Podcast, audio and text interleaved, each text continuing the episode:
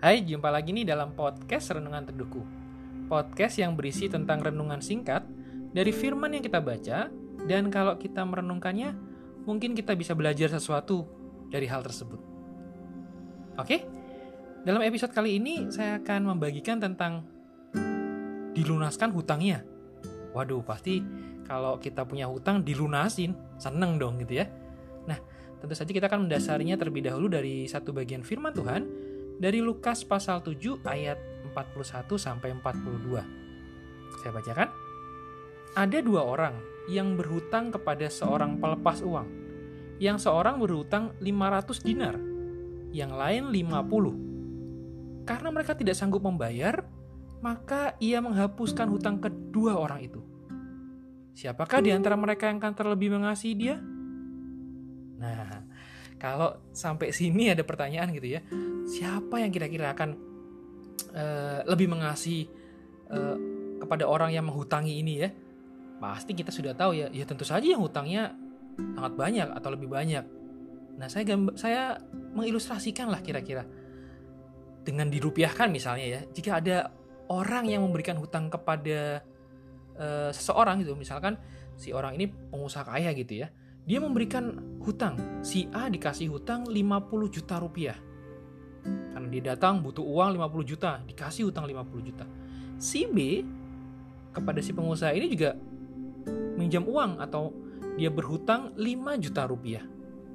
Tentu kedua orang itu awalnya tidak saling kenal, tetapi kemudian mereka dalam perjalanannya berapa waktu kemudian ketika tiba jatuh temponya, datanglah mereka kembali kepada pengusaha ini. Si A berkata, Aduh tuan, mohon maaf, saya belum punya uang 50 juta rupiah untuk melunaskannya, apalagi bunganya. Datang juga si B. Aduh tuan, mohon maaf juga, saya belum punya uang 5 juta rupiah untuk melunaskan pinjaman yang saya sudah pinjam beberapa waktu yang lalu gitu ya.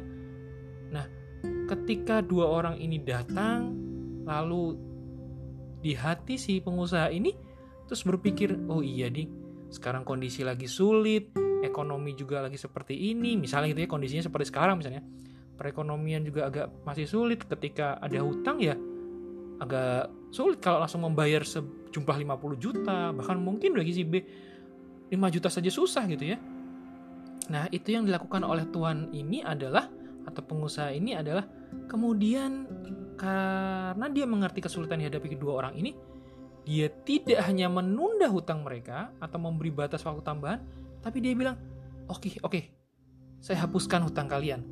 Jadi kalian tidak usah lagi uh, membayar dan memikirkannya.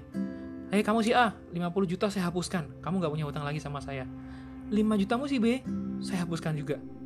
Nah tentu saja si A yang berhutang lebih banyak yaitu 50 juta pasti senengnya bukan main. Dia sangat bersyukur. Apalagi dia tahu bahwa tidak hanya ditunda tapi dia tidak harus membayar. Nah tentu bukan berarti si B juga tidak bersyukur, si B pun pasti bersyukur. Namun dari kedua dua-dua orang ini pasti si A seperti mendapat second chance atau kesempatan kedua dalam hidup ini.